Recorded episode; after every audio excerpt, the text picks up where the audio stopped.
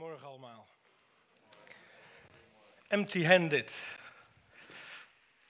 Um, dankjewel. Um, als je in Gods majesteit komt, ja, dan ben je empty-handed. Um, maar als je bij mensen komt, dan ben je niet empty-handed. Als, als uh, Jezus die wonderbare spijziging doet, dan, uh, dan vraagt hij zijn discipelen wat, uh, wat ze hebben hebben ze twee vissen en vijf broden. Vijf broden, twee vissen. Uh, en dan zijn ze niet empty-handed. Maar ja, het is wel ruim onvoldoende om uh, die hele menigte te voeden. Dus ja, empty-handed. Maar als we gaan gebruiken wat God in onze handen heeft gelegd. En daarin is niemand uitgezonderd. Heeft, iedereen heeft wat. Dan is het ruim voldoende om je omgeving te zegenen en om alles te geven wat daar nodig is. Um, ik ga vanmorgen een, uh, een preek geven. Ja, kan niet anders, Pinksteren. Toen ik het uh, rooster zag, toen zag ik dat nog niet, want het was begin van het jaar. Dus ik dacht, nou ja, 25 mei, is nog ver weg. Toch 25? 20, 20 mei. Nou ja. Ik heb het druk. Um, en ik dacht van, nou ja, dat komt wel en dan komt het dichterbij en dan ga je kijken, hé hey, toch, het Pinksteren vandaag. Ja, en dan kan je eigenlijk niet anders dan over de geest spreken. Tenminste, dat doen we met kerst, dat doen we met Pasen. En wat mij betreft doen we dat ook met Pinksteren. Um, maar ik wil een klein stukje um, inleiding geven, wat hier niet direct wat mee te maken heeft, maar wat um, wij als pastoraat team hebben meegemaakt in de cursus. En daar wil ik twee dingen uitlichten. En het eerste daarvan is uh, dat de openingscursusmiddag uh, die ging over fijngevoeligheid. En ik vond dat zo'n mooie term. Um, als je kijkt naar pastoraat, er zit herderschap in. Um, en een herder is ook fijngevoelig. Die weet wat zijn schapen nodig hebben. Die zoekt, hè, die kijkt naar ze. Die weet of er dorens zijn, die weet of er wonden zijn. Die weet de stand van, uh, van, van, van zijn schapen. En daarmee gaat hij heel fijngevoelig om. En dat is eigenlijk de richting waarin die cursus ons uh, wees. Ga fijngevoelig met mensen om. Wees voorzichtig in je communicatie. Wees oplettend. En ga, als je dingen constateert of dingen bespreekt, ga daar op een fijngevoelige manier mee om. Dus dat vond ik zo'n mooie term, die wilde ik uh, meegeven. Het tweede wat ik, uh, wat ik graag met jullie wil delen, en dat staat niet op mijn, op mijn tablet, maar ik start me vast op zodat ik straks niet uh, een deel van mijn verhaal mis. Want het is voor mij ook nog een beetje wennen preken. Ik heb het wel gedaan, maar niet zo heel vaak. Dus. Het is de tweede, tweede dia. En eigenlijk was ik wel blij met Johannes. Dan ben ik sowieso wel blij met mijn Johannes. Maar het ging vorige week onder andere over de manier waarop wij reageren.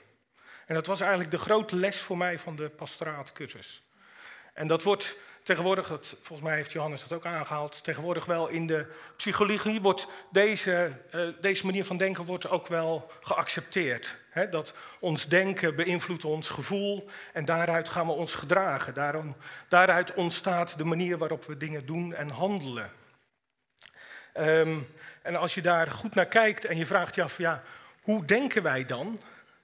Hoe ontstaat ons denken? Wat gebeurt er hier in onze, in onze bovenkamer? Um, dan zou het goed zijn, en dat is het tweede plaatje, um, als dat gevoed zou worden door geloof. Vanuit ons geloof gaat ons denken ontstaan. Als we ons bekeren, dan verandert ons geloof, basis van waar, waaruit we denken.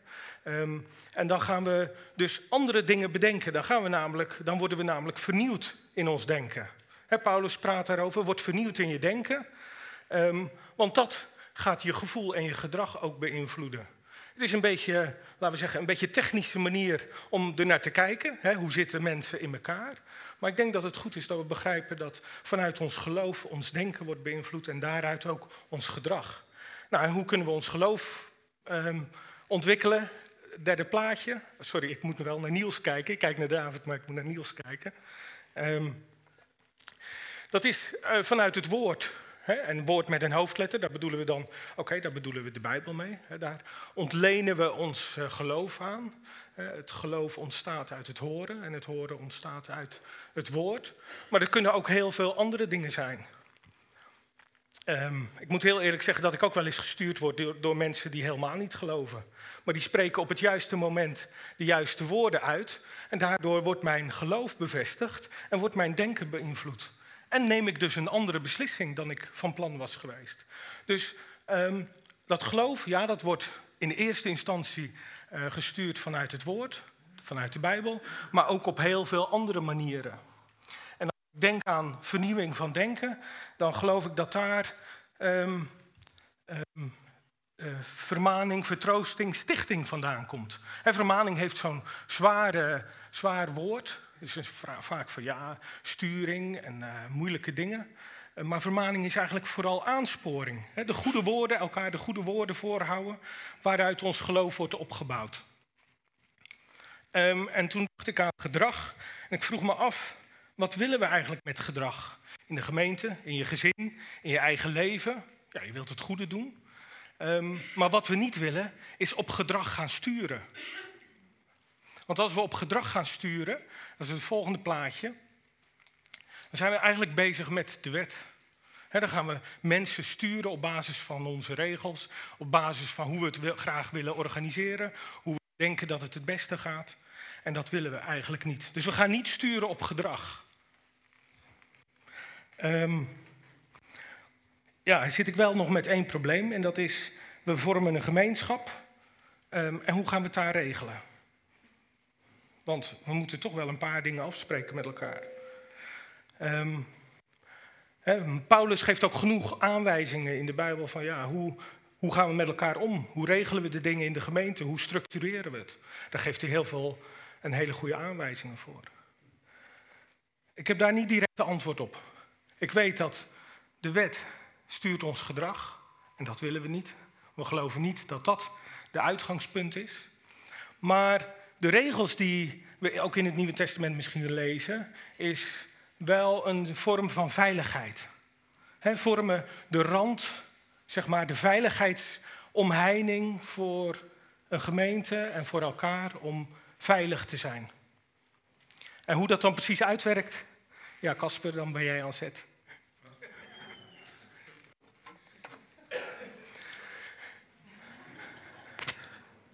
Um, het volgende plaatje. Dat is een, uh, een meetlat. Kijk, en ik heb er een echte meegenomen. Ik heb hem gisteren gekocht. Hij is nog niet gebruikt, dat klopt. Hij is ook niet te gebruiken, want er is een stukje af. Hij zou twee meter moeten zijn. En ik was gisteren bij de praxis en daar lag hij in de schappen en ik kon hem heel goedkoop krijgen. Want ik ben hier wat mee van plan. Dus ik vond niet zo erg dat hij goedkoop was. Um, maar deze meetlat, daar wil ik het uh, met jullie wat vaker over hebben vandaag. Um, en in eerste instantie is de wet een meetlat. Hè? De wet legt je langs de meetlat en die bepaalt goed of fout. Dat is eigenlijk alles wat de wet doet. Doe je het wel, dan doe je het goed. Is het meetlat goed en lig je er langs en je voldoet niet, dan heb je een probleem. Ik zei al dat ik een, eh, een, eh, toch wel een Pinksterpreek wil geven. En um, ja, dankjewel. Ik krijg inderdaad een uh, droge mond. En ik wil aan het eind van de preek, ik zei het is een preek. We praten over de geest. We praten over de vervulling met de Heilige Geest. En ik ga straks een uitnodiging doen. En waarom zeg ik dat nu? Um, omdat ik geloof dat impulsief hè, kiezen is, helemaal niks mis mee. Het is goed als je wordt aangespoord om een keuze te maken. Maar ik denk ook dat het goed is om over dingen na te denken. En er staat ook in de Bijbel, als je een toren gaat bouwen, ga eerst zitten bepaalde kosten.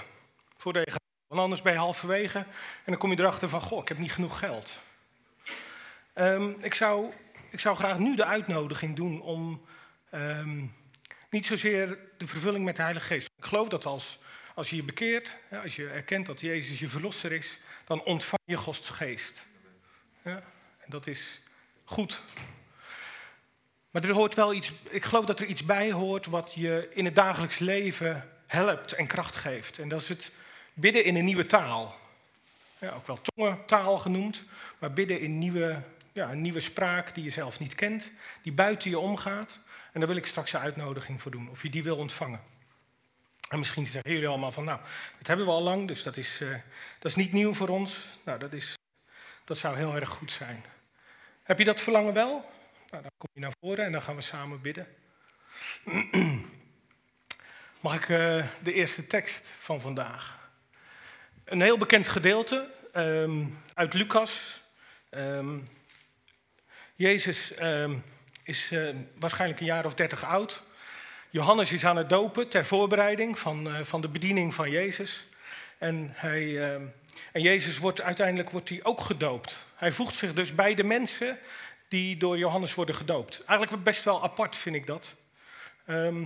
Het geschiedde toen al het volk gedoopt werd en Jezus ook gedoopt was en bad dat de hemel geopend werd.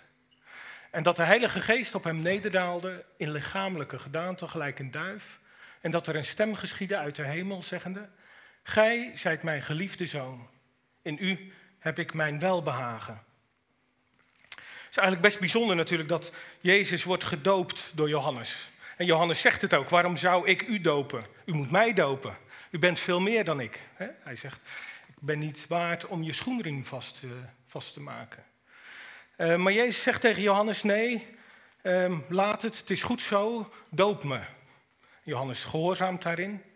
En daarmee, um, eigenlijk laat Jezus daar al zien dat hij eigenlijk hetzelfde is als wij. Dat hij ook naar deze aarde kwam en alles meemaakte en mee moest maken wat wij ook meemaken in dit leven. Hij werd net zo goed gedoopt.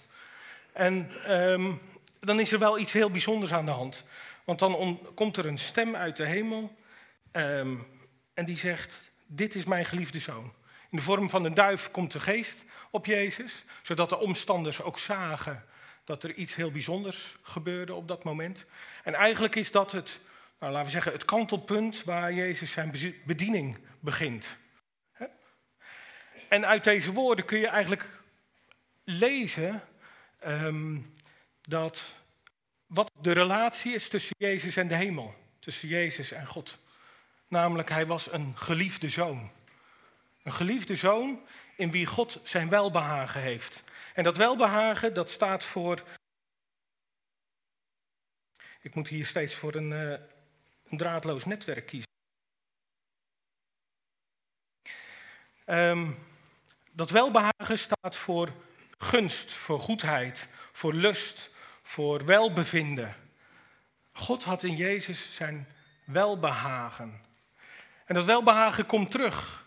Komt terug um, eerder eigenlijk als de engelen zingen vrede op aarde, in mensen een welbehagen. God heeft in mensen een welbehagen. En dat is eigenlijk heel bijzonder, want als ik om me heen kijk en je kijkt een beetje naar nieuws en je leest kranten, uh, er gebeuren er niet alleen maar leuke dingen op deze wereld, bepaald niet. we worden gedomineerd door slecht nieuws. Uh, en dan tegen al die, laten we zeggen, druk en al die moeilijke berichten die je hoort, zegt God, ik heb in mensen een welbehagen. Toen hij de aarde schiep, toen hij Adam en Eva schiep, toen zei hij, het is goed. Het was goed wat hij gedaan had. En dat klinkt eigenlijk nog steeds, dat welbehagen, dat het is goed dat klinkt nog steeds. Dat kan klinken in je eigen leven. En als je als je afvraagt van ja, um, uh, ben ik wel een geliefd kind van God? Want ik heb die stem nog nooit gehoord. Ik bedoel, ik heb nog nooit gehoord uit de hemel, je bent mijn geliefde zoon, je bent mijn geliefde dochter. Dan zeg ik het vandaag tegen je. Je bent een geliefde dochter, je bent een geliefde zoon van God. Laat dat in ieder geval vandaag achterblijven dat je een geliefde bent van God. Want daarin zit alles. Zit alles wat we nodig hebben. Zit alles om ons heel te maken. Want daarvan zegt God, het is goed. Um,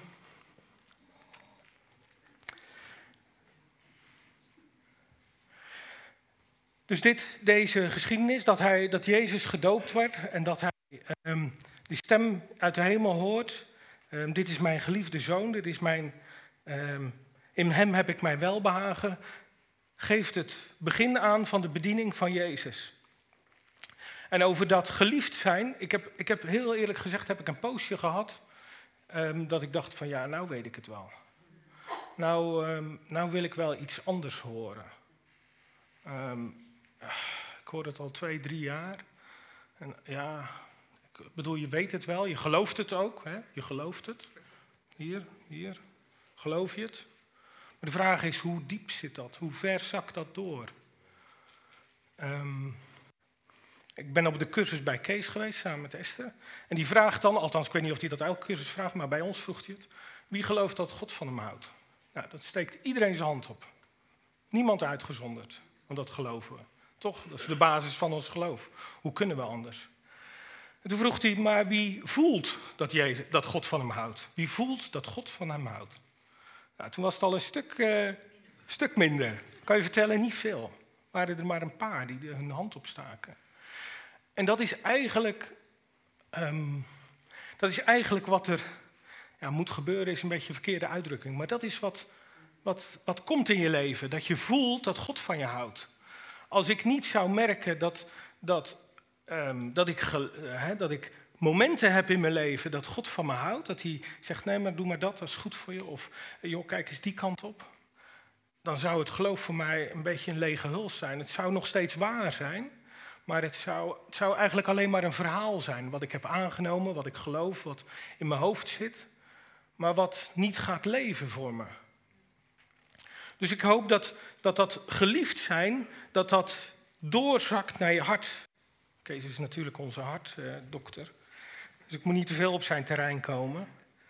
Um, maar ik vroeg me wel af, waarom hebben we die boodschap nou zo hard nodig? Waarom hebben we vandaag deze boodschap nodig? Dat we geliefd zijn. En dan zit je daar een beetje over na te denken. Um, en dan kom ik uit bij mijn meetlat. En wat er gebeurt met een meetlat is dat je, hè, we zeggen in de wereld ook, meten is weten. Nou, dus we gaan alles meten. We gaan op ons werk gaan we meten, thuis gaan we meten. Oh jee, hoe vaak zeg ik niet tegen mijn kinderen, heb je goede cijfers? Of uh, wat voor opleiding ga je doen? Johan is een jaar niks aan doen. Nou, dat heeft wat pijn gegeven. Ja, want straks is hij, uh, is een jaar ouder, komt hij op de arbeidsmarkt, krijgt hij geen baan. Dus hup, meetlat erlangs. Kom op mijn werk, daar praten ze over uh, prestatieindicatoren. Verkoopplannen. Allemaal, allemaal meetbare instrumenten. Twee weken terug um, twee weken of drie weken, ik weet niet meer precies wanneer, dan zie ik een programma op tv dat ze in China weten wanneer je door rood loopt. Extreem voorbeeld, weet ik. Op in Korea kijken ze naar kinderen in de klas. Wordt er met camera's naar kinderen gekeken. Dus overal wordt er aan ons gemeten, wordt er gewogen, word je te, te zwaar of te licht bevonden. En omdat dat toeneemt, en ik ben geen doemprediker, hè, maar liefde neemt af. Als de liefde afneemt, hebben we extra die boodschap nodig. Hebben we extra nodig, luister, God houdt van je. Je bent een geliefde zoon, je bent een geliefde dochter van God. Laat je niks wijsmaken. Laat je niks anders wijsmaken dan dat. Um, en dat is, dat is de basis, dat is de relatie die God aanbrengt tussen de hemel en tussen jou. Namelijk dat je een geliefde bent. En wat er ook door anderen in je oor wordt getoeterd, hè, wat er ook gezegd wordt op je werk, door collega's of door je baas of um, misschien zelfs thuis, laat je niks wijsmaken. Dat zijn, dat zijn, laten we zeggen, nog duidelijk meetbare dingen, hè, werk. want dat wordt op papier gezet en aan het eind van het jaar wordt er, als je pech hebt, wordt het ook nog gedocumenteerd en dan wordt er een cijfer aangehangen. En misschien zelfs je salarisverhoging wordt eraan gehangen, of niet? Maar er zijn nog wat meetlatten in je leven. En dat zijn de meetlatten die je um, misschien jezelf wel oplegt. Of de meetlat die je ouders je hebben meegegeven. Wat er zo diep van binnen zit, dat je het misschien niet eens in de gaten hebt. Er zijn heel veel dingen die hebben we niet eens in de gaten. Misschien wel goed. We hoeven niet alles gelijk te weten. Maar je kunt ook tegen grenzen aanlopen in je leven. Je kunt tegen de grenzen aanlopen van een meetlat die neergelegd is. Jullie kennen vast wel de, de, de, uh, de reclame van die verzekering. Hoe hoog leg jij de lat? Ja? Hoe hoog leg jij de lat? Ik heb wel eens een kerstkaart gestuurd. Had ik een plaatje gestuurd met de meetlat. We leggen hem zo hoog dat we er onderdoor kunnen lopen. Dat is misschien wel handig. Maar welke meetlat ervaar jij in je leven? En als ik straks die uitnodiging doe voor Ehm, het spreken in de nieuwe taal, in tongen, dan zou ik die vraag erbij willen stellen. Ervaar jij een meetlat?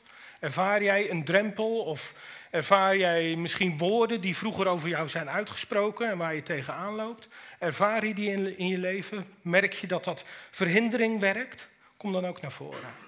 Dan gaan we ervoor bidden. En ik geloof, en daarom was ik blij dat ik hem gisteren voor 50 cent mocht kopen, dat we die meetlat mogen breken. Ja, dat geloof ik. En dan geloof ik dat we een nieuwe stap kunnen maken. Een nieuwe stap in geloof, een nieuwe stap in ervaring met God. Dan geloof ik dat er dingen vrijkomen die je misschien tevoren niet gezien hebt of niet ervaren hebt. Maar dat er nieuwe dingen gaan komen in je leven.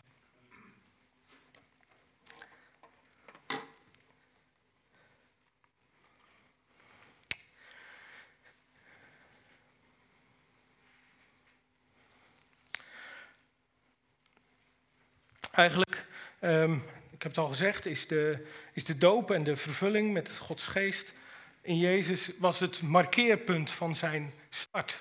Van de start van zijn bediening. En direct daarna, nadat hij gedoopt is, wordt hij door de geest geleid in de woestijn en volgt een stukje van de voorbereiding van zijn bediening. Wordt hij beproefd op zijn geloof en op zijn woorden. Um, en als, je, als, wij denken aan, aan bediening, um, dan denken we vaak um, aan pastoors of aan dominees of aan oudsten of aan nou ja, mensen die vooraan staan in een geestelijke, geestelijke bediening. En ik denk dat dat niet helemaal terecht is. Ik geloof dat we allemaal een bediening hebben. En je staat er middenin, in die bediening. Op het moment dat je hier de deur uitloopt en je gaat naar huis, dan sta je in je bediening. Dan heb je een bediening. Die vijf broden en die twee vissen, die liggen in jouw handen. En God zegt, ga ze maar gebruiken. Ga ze maar gebruiken in de bediening die je al ontvangen hebt. Ga ze maar uitdelen. Ga maar uitdelen van dat weinige, in jouw ogen, wat je hebt. Want ik ga het vermenigvuldigen. Ik ga datgene wat jij hebt en wat jij beschouwt voor jezelf als, ja, wat is het? Wat, wat heb ik nou te bieden? Wat heb ik nou te brengen? Dat is ruim voldoende om wonderen te doen in jouw omgeving, in je familie, in relaties met vrienden, in je werk, met collega's, in mensen die je ontmoet op straat of thuis. Daar is dat ruim voldoende voor. Want ons ontbreekt niets. We komen niets tekort in de bediening die we hebben. En een bediening, daar hoef je uh, hele hoge dingen van te, te hebben, geen hoge, hoog aanzien of wat dan ook. Dat geldt voor een ieder van ons. Ik geloof dat, ik weet niet meer wie het was, ik dacht die voorganger uit Sliedrecht, ik vergeet het altijd. Karsten.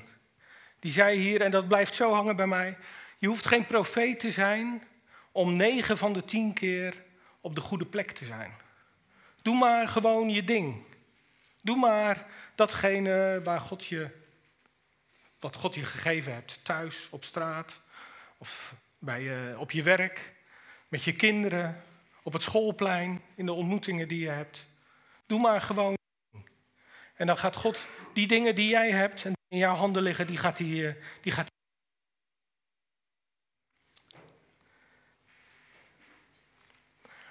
Paulus zegt daar iets heel, uh, heel aparts over.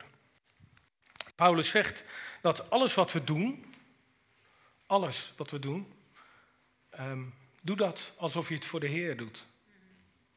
Hmm. Alles wat je doet, doe het alsof je het voor de Heer doet. En hij zegt er expres nog achteraan, en niet voor de mensen.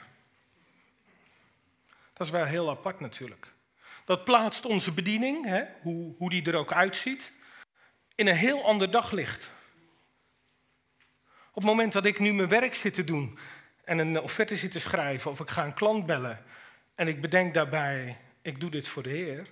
Nou, dat is, allereerst is dat een, een soort van, ehm, dat wil niet hè, van binnen. Voor de Heer, voor de Heer, ja. Die man heeft een probleem en dat moet ik opzien te lossen. Maar op het moment dat je zegt van oké Heer, ik doe dit voor u, hoe moeilijk het ook is, of hoe weinig ervaring er ook mee heb, of hoeveel ervaring ik er ook mee heb en hoe, hoezeer ik ook daar geschikt voor ben, omdat je het al jaren doet. Ik doe het voor u. Dan ga je ook andere dingen zien, namelijk daaromheen. Dan ga je ook de dingen die gebeuren daarin, in die dagelijkse situaties, ga je ook veel meer in het licht van God zien. Dan gebeuren dingen niet meer toevallig zomaar. Nee, dan geloof je dat God gaat sturen in al die dingen. En dat God de uitkomsten gaat uitwerken in, in je leven. En dan komt er ook zoiets, dan gaat dat geloof wat je hebt ontvangen, dan gaat dat ook langzaam zakken naar je hart. Dan ga je de dingen zien, dan ga je de dingen ervaren dat God ze voor je doet.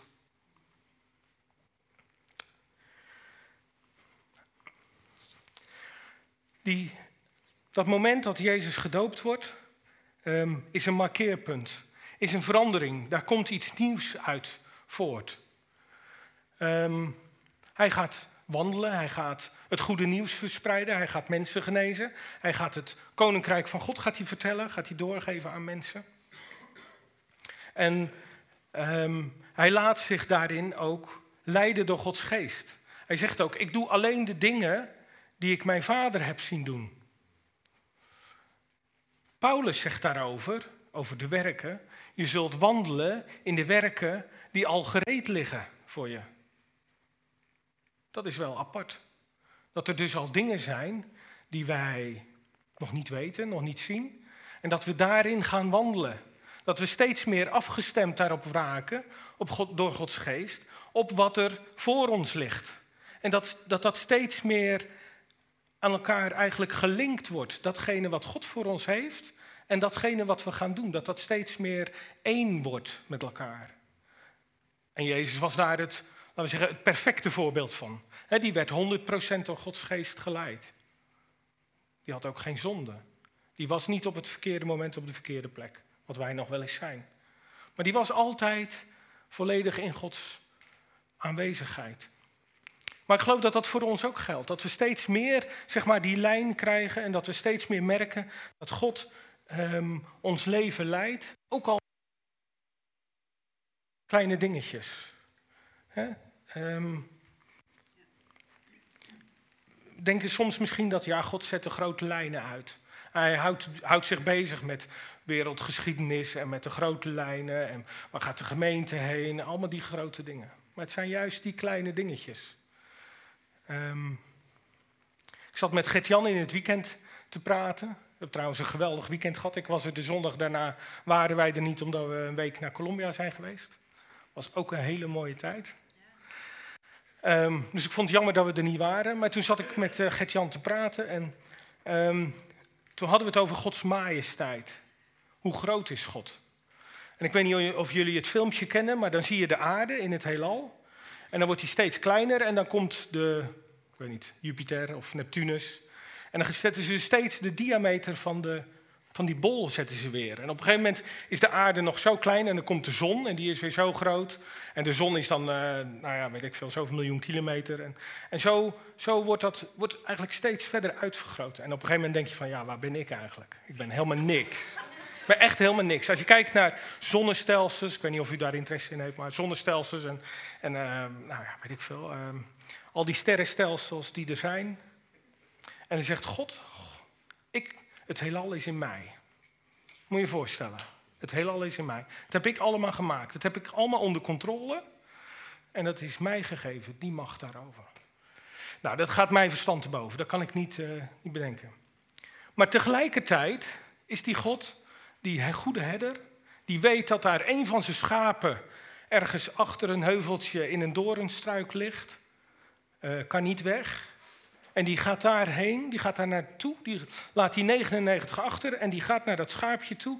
En die knielt daarbij en die haalt hem uit die struik en die legt hem op zijn schouders. Dat is diezelfde God, diezelfde machtige, almachtige God, die alles geschapen heeft. En die is bereid om op zijn knieën te gaan, om vuile knieën te krijgen. En dat schaapje op te pakken en op zijn nek te leggen. Begrijp ik ook niet. Ik kan dat verschil kan ik niet begrijpen. Vergelijk het wel eens met een vader. Hè? Als mijn dochter uh, uh, heel hard rent, toen ze nog heel klein was, op slippers, dan denk je dat er gebeurt, die valt natuurlijk. Dus die valt op de knieën, uh, steentjes erin, je weet het wel, moet je gaan uitspoelen en weet ik veel wat. Doet zeer, huilen. Sorry Geraldine, moest even. Um, en dan is God diezelfde die zeg maar op zijn knieën gaat, zo. En die zegt, ach lieverd, kom maar, kom maar. Die pakt dat kind en die maakt het schoon. En dat kleine, hè, want wat is een wondje in je knie? Kan voor een kind heel erg zijn. Maar die is daar niet te beroerd voor om daarvoor op zijn knieën te gaan en dat kind te helpen. Hoe klein het ook is, wat er ook is in je leven, denk nooit dat het te klein voor God is. God is altijd bereid om datgene wat jou bezighoudt, wat jou dwars zit, wat jij niet kunt oplossen, ook al is het nog zo klein, om, dat, om je daarbij te helpen, om een oplossing te geven. Dat doet, dat doet God. Die God die dat hele, heelal geschapen heeft, die doet dat kleinst, doet hij ook voor je. En dat is heel bijzonder. Als je dat ervaart, dat God van je houdt, dat je zo geliefd bent, dat hij niet te beroerd is om op zijn knieën te gaan zitten.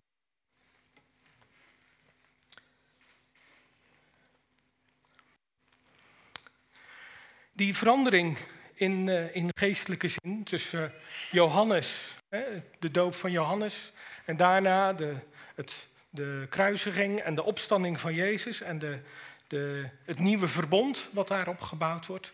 Die verandering, daar wil ik graag over lezen uit handelingen. Biemer. Ja. En het, het frappante hieruit, uit deze tekst, is, is dat de discipelen die dus al die tijd met Jezus hebben meegelopen, dat ze eigenlijk nog steeds niet begrijpen wat er aan de hand is. Toen hij met hen samen was, beval hij hun dat zij niet uit Jeruzalem weg zouden gaan, maar de belofte van de Vader zouden verwachten, die u, zei hij, van mij gehoord hebt. Want Johannes doopte wel met water, maar u zult met de Heilige Geest gedoopt worden, niet lang na deze dagen. Zij dan, die samengekomen waren, vroegen hem: Heere, zult u deze tijd voor Israël het koninkrijk weer herstellen? Eigenlijk waren ze, sinds ze Jezus kenden, waren ze eigenlijk nog niet zo heel veel opgeschoten. Als we kijken in geestelijke zin. En ze dachten nog steeds: yes, Romeinen eruit, wij een nieuw koninkrijk. En nou gaan we het doen. Nou gaan we dat koninkrijk weer oprichten.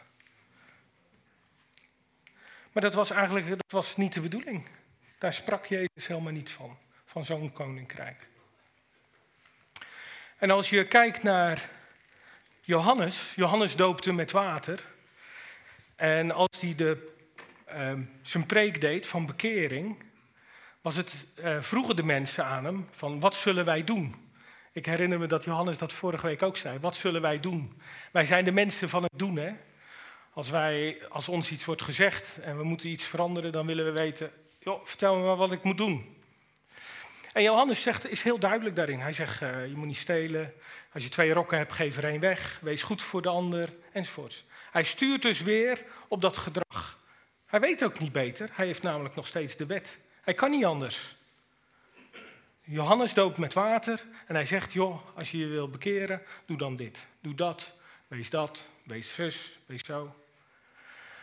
En op het moment dat Petrus gaat staan, en hij, uh, hij doet eigenlijk eenzelfde soort preek. Hè. Hij preekt ook over bekering, keer je af van je oude weg. En hij vertelt het verhaal. Dan vragen de mensen ook weer, ja, wat moeten we doen? Want we willen weten wat we moeten doen. En het grappige is dat Petrus helemaal niet praat over wat ze moeten doen. Hij zegt, bekeer je, wordt gedoopt en wordt vervuld met de Heilige Geest. Dat is wat hij ze voorhoudt. Dus hij geeft een heel andere richting aan. En voor mij kenmerkt dat het verschil tussen die twee en tussen dat oude en dat nieuwe verbond. Datgene wat voortkomt uit die bekering. Dat is niet dat we elkaar op gedrag gaan aanspreken en gaan zeggen van joh, je moet dat niet doen en je moet dat niet doen. Nee, het is de bedoeling dat we vervuld worden met de Heilige Geest. En de Heilige Geest die gaat ons overtuigen. De Heilige Geest gaat ons sturen in dingen. Dat is wat, wat er gebeurt in het nieuwe verbond.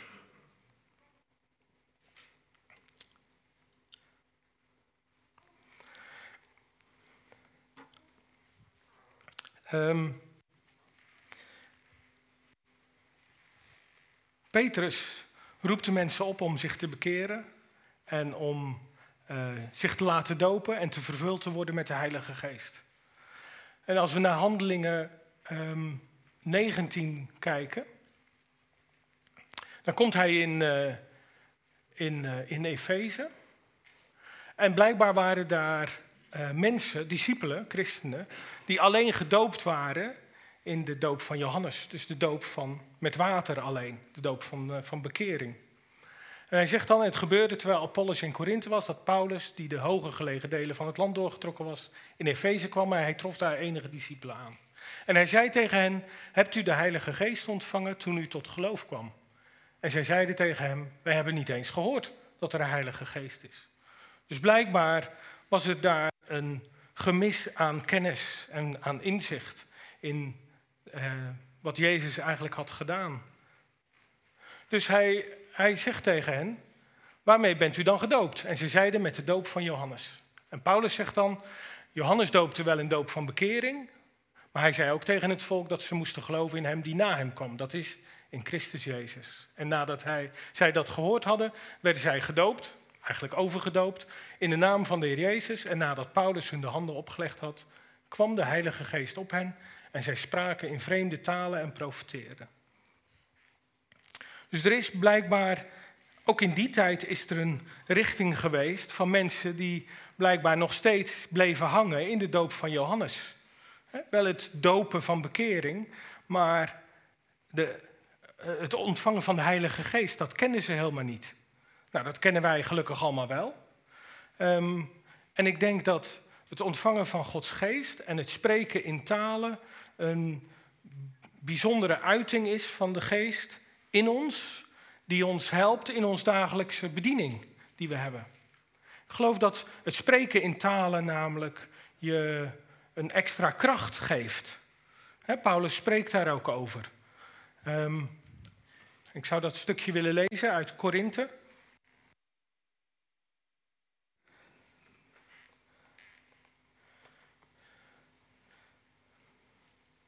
...1 Korinthe 14. Daarin staat, jaag de liefde na. Streef naar de geestelijke gaven en vooral daarna dat u mag profiteren. Wie in een andere taal spreekt, spreekt niet tot mensen, maar tot God. Want niemand begrijpt het, maar in zijn geest spreekt hij geheimenissen. Wie echter profiteert, spreekt tot mensen woorden van opbouw, vermaning en troost. Wie in een andere taal spreekt, bouwt zichzelf op. Maar wie profiteert, bouwt de gemeente op. Ik zou wel willen dat u alle in andere talen spreekt, maar vooral dat u profiteert. Immers, wie profiteert is meer dan wie in andere talen spreekt. Ik heb een beetje moeite met het woordje meer. Ik vraag me ook af, maar dan moet Marian misschien een keer naar kijken of dat wel staat meer in positie of in, uh, in niveau. Maar goed, profiteren, daar bouw je de gemeente op. En met een taal bouw je jezelf bouw je op. Tenzij dat hij het uitlegt, hè, een andere taal spreken, opdat de gemeente erdoor opgebouwd wordt. Paulus wil dat we in de, in de gemeente woorden spreken tegen elkaar die we begrijpen. Waarmee we opbouwen, waarmee we vertroosten.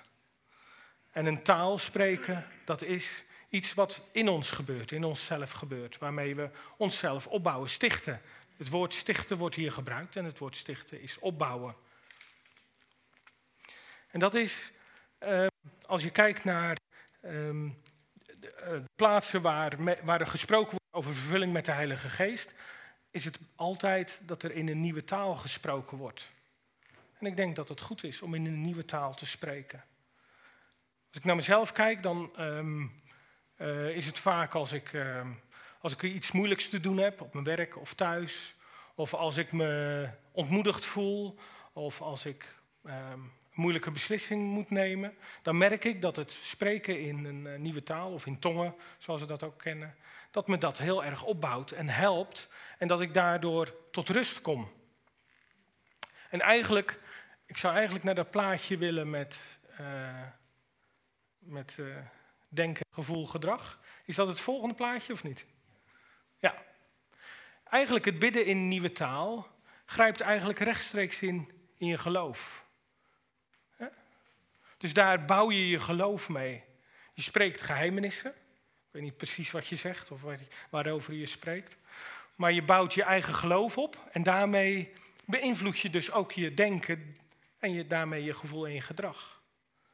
Dus ik geloof dat het een heel krachtig instrument is, een heel krachtig stuk gereedschap in je dagelijkse doen en laten. En daar wilde ik eigenlijk de uitnodiging doen. Als je dat wilt ontvangen, als je zegt, ja, ik, ik heb Gods geest, maar ik zou ook graag ehm, mezelf willen kunnen opbouwen. Ik wil graag een instrument waarmee ik, uh, hè, als ik merk dat die lat mij verhindert, of als ik merk dat uh, bepaalde woorden me uit mijn doen brengen, uh, dat je dan een instrument hebt om jezelf op te bouwen en om weer krachtig te worden en om vernieuwd te worden in je denken. En daar, daar zou ik de uitnodiging voor willen doen. Als je dat wil, gaan we gewoon bidden. Dat is geen hocus pocus, dat is niet uh, iets zweverigs. Het is iets wat je niet begrijpt. Het klopt. als ik bid in tongen, dan begrijp ik mezelf niet. Dan hoor ik mijn woorden zeggen, maar ik weet niet wat ze betekenen. Maar dat is niet erg. Um, misschien zeg je van ja, dat vind ik, vind ik spannend of dat vind ik eng. Wat is dat? Nou, dat zou kunnen. Misschien we, heeft u nog een stukje onderwijs eerst nodig. Dat zou kunnen. Als je dat niet nodig hebt en je gelooft dat God dat je wil geven, kom naar voren. Dan gaan we, gaan we bidden. Um, misschien, misschien vind je het wel heel raar. Ik, ik, weet dat ik de eerste paar keer dat ik het ook heel raar vond om in tongen te spreken, want ik begreep mezelf niet. En het gaat buiten je verstand om. Dat zegt Paulus ook. Hè? Het gaat buiten je hele denken om. Um, dus dat is, ja, dat is, eh, dat is, de eerste keer vind je dat denk ik raar of vreemd. Maar het is, dat geeft niet, want het is Gods geest die in jou is. En die jou de woorden geeft om uit te spreken. Je hoeft er ook niet bang voor te zijn dat je rare dingen zegt, want dat kan niet. In Jezus gelooft, noemt hem een vervloeking, staat er. Dus je hoeft daar ook niet eh, bang voor te zijn. Um, dat is is het spreken van een nieuwe taal. Um, maar ook als je ervaart van, goh, ik heb, ik heb iets in mijn leven waarvan ik denk van, wat is dat? Daar loop ik tegenaan. He, de meetlat, waar ik het over gehad heb. Schroom niet, kom naar voren. Dan willen we graag daarvoor bidden. Dan willen we woorden die je misschien uit je jeugd hebt meegenomen. Ik weet nog dat uh, mijn vader woorden zegt, die kan ik nog herinneren. Waar en wanneer hij ze gezegd heeft. Dus die heb ik een keer verbroken in gebed. Um, omdat, um, omdat ik geloof dat Jezus je vrij maakt. En soms kan het nodig zijn om daar een bijzonder moment voor te nemen. En om te zeggen, nee, die woorden die zijn tegen mij uitgesproken, die hebben zich vastgezet in mijn geest, maar die verbreken we en die brengen we onder het bloed. Dus voel je vrij om naar voren te komen. Ik heb Casper en Peter gevraagd om te bidden. Um, en hangt er vanaf hoeveel mensen er zijn. En voel je, voel je vrij om, um, om te komen. Als jij een, uh, een lied wil spelen, dan. Uh,